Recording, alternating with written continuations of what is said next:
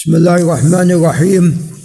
الحمد لله رب العالمين وأصلي وأسلم على نبينا محمد وعلى آله وأصحابه والتابعين لهم بإحسان إلى يوم الدين. أما بعد فقال مجد الدين أبو البركات عبد السلام بن عبد الله المعروف بابن تيمية الحراني.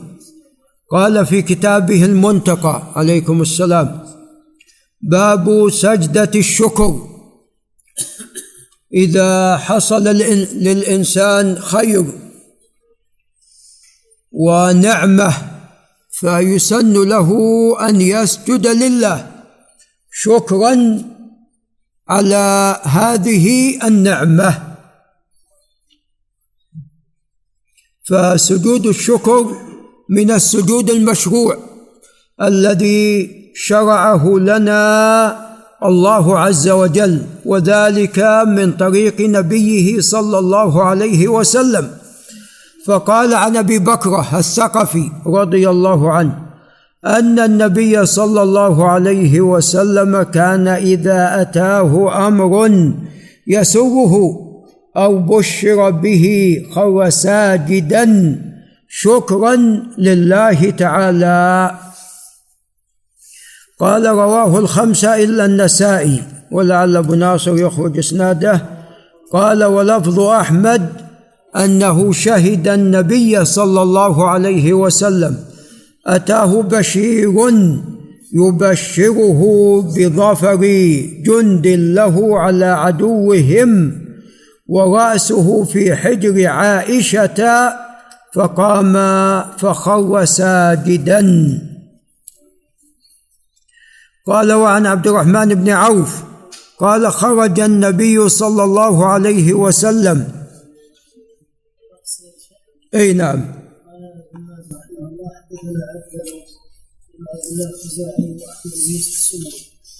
قال حدثنا ابو عاصم عن بن عبد العزيز بن عبد الله بن أبي بكر عن أبيه. عن أبي بكرة أن النبي صلى الله عليه وسلم كان إذا اتاه أمر يسره ويسال به خرج تبارك وتعالى. نعم هذا في بكار بن أبي بكر لا يحتج به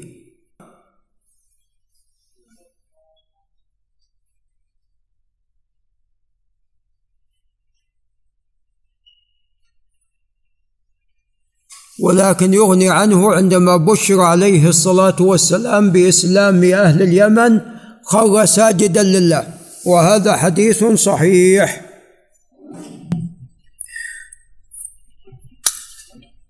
قال الترمذي هذا حديث حسن قريب كان حكم من هذا الوقت حديث بكار عبد العزيز والعمل على هذا العلم. رأوا سجدة الشكر وقد كان عبد العزيز بن أبي بكر إي نعم فيه ضعف. بكار من أجل بكار فإن فيه ضعفا.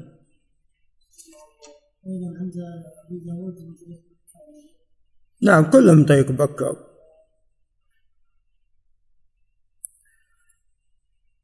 لكن طلع لنا عندما جاء الخبر بإسلام أهل اليمن فسجد عليه الصلاة والسلام. ذكره ابن حجر في البلوغ. قال وعن عبد الرحمن بن عوف رضي الله عنه خرج النبي صلى الله عليه وسلم فتوجه نحو صدفته فدخل فاستقبل القبلة فخر ساجدا فأطال السجود ثم رفع رأسه فقال إن جبريل أتاني فبشرني فقال إن الله عز وجل يقول لك من صلى عليك صليت عليه.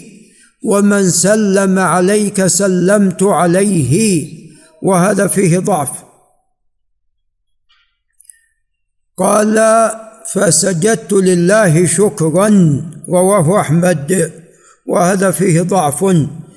قال وعن سعد بن أبي وقاص رضي الله عنه قال خرجنا مع النبي صلى الله عليه وسلم من مكة نريد المدينة فلما كنا قريبا من عزوراء. نزل ثم رفع يديه فدعا الله ساعة ثم خر ساجدا فمكث طويلا ثم قام فرفع يديه ساعة ثم خر ساجدا فعله ثلاثا وقال إني سألت ربي وشفعت لأمتي فأعطاني ثلث أمتي فخررت ساجدا شكرا لربي ثم رفعت رأسي فسألت ربي لأمتي فأعطاني ثلث أمتي فخررت ساجدا شكرا لربي ثم رفعت رأسي فسألت ربي فأعطاني فسألت ربي لأمتي فأعطاني الثلث الآخر فخررت ساجدا لربي قال رواه أبو داود وهذا لا يصح. قال وسجد أبو بكر حين جاءه قتل مسيلمة رواه سعيد. مسيلمة بن حبيب الحنفي المعروف بمسيلمة الكذاب. نعم وقد قتل في حروب الردة. قال رواه سعيد بن منصور. قال وسجد علي حين وجد ذا الثدية في الخوارج رواه أحمد في مسنده. عندما ذكر عليه الصلاة والسلام علامة لهؤلاء الخوارج وأن منهم رجل له يد هي أشبه بثدي المرأة.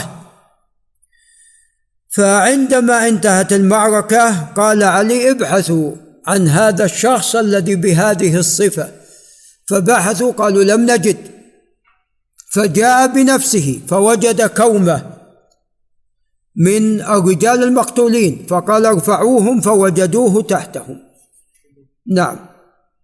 فقام عبيد بن عمرو السلماني قال آه الله سمعت هذا من رسول الله صلى الله عليه وسلم يخبر بأن من صفة هؤلاء رجل يده كثدي المرأة. قال آه الله. قال آه الله. قال آه الله. قال آه الله. قال آه الله. كما في مسلم ثلاث مرات يستحلف عبيد بن عمرو السلماني. قال وسجد كعب بن مالك الأنصاري رضي الله عنه في عهد النبي صلى الله عليه وسلم لما بشر بتوبة الله عليه وقصته متفق عليها. إذا سجود الشكر هذا مشروع ثبت عن رسول الله عليه الصلاة والسلام وثبت عن بعض عن بعض الصحابة. عندما سمعت همدان همدان أين؟ باليمن. همدان باليمن. نعم.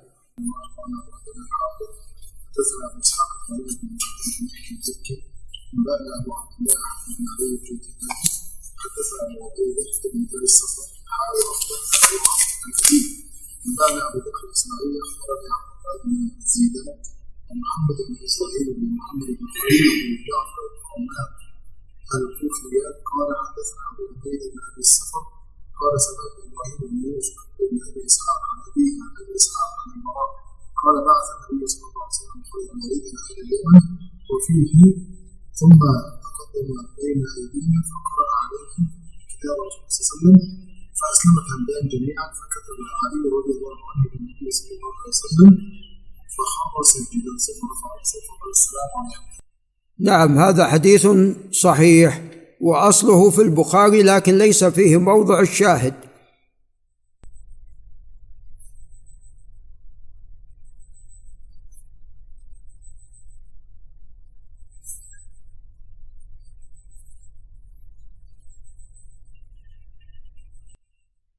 قال علي رضي الله عنه لو كنت بوابا على باب الجنة لقلت لهمدان ادخل الجنة بسلام. نعم. فعندما بشر عليه الصلاة والسلام بإسلام همدان وهم باليمن خر ساجدا لله جل وعلا.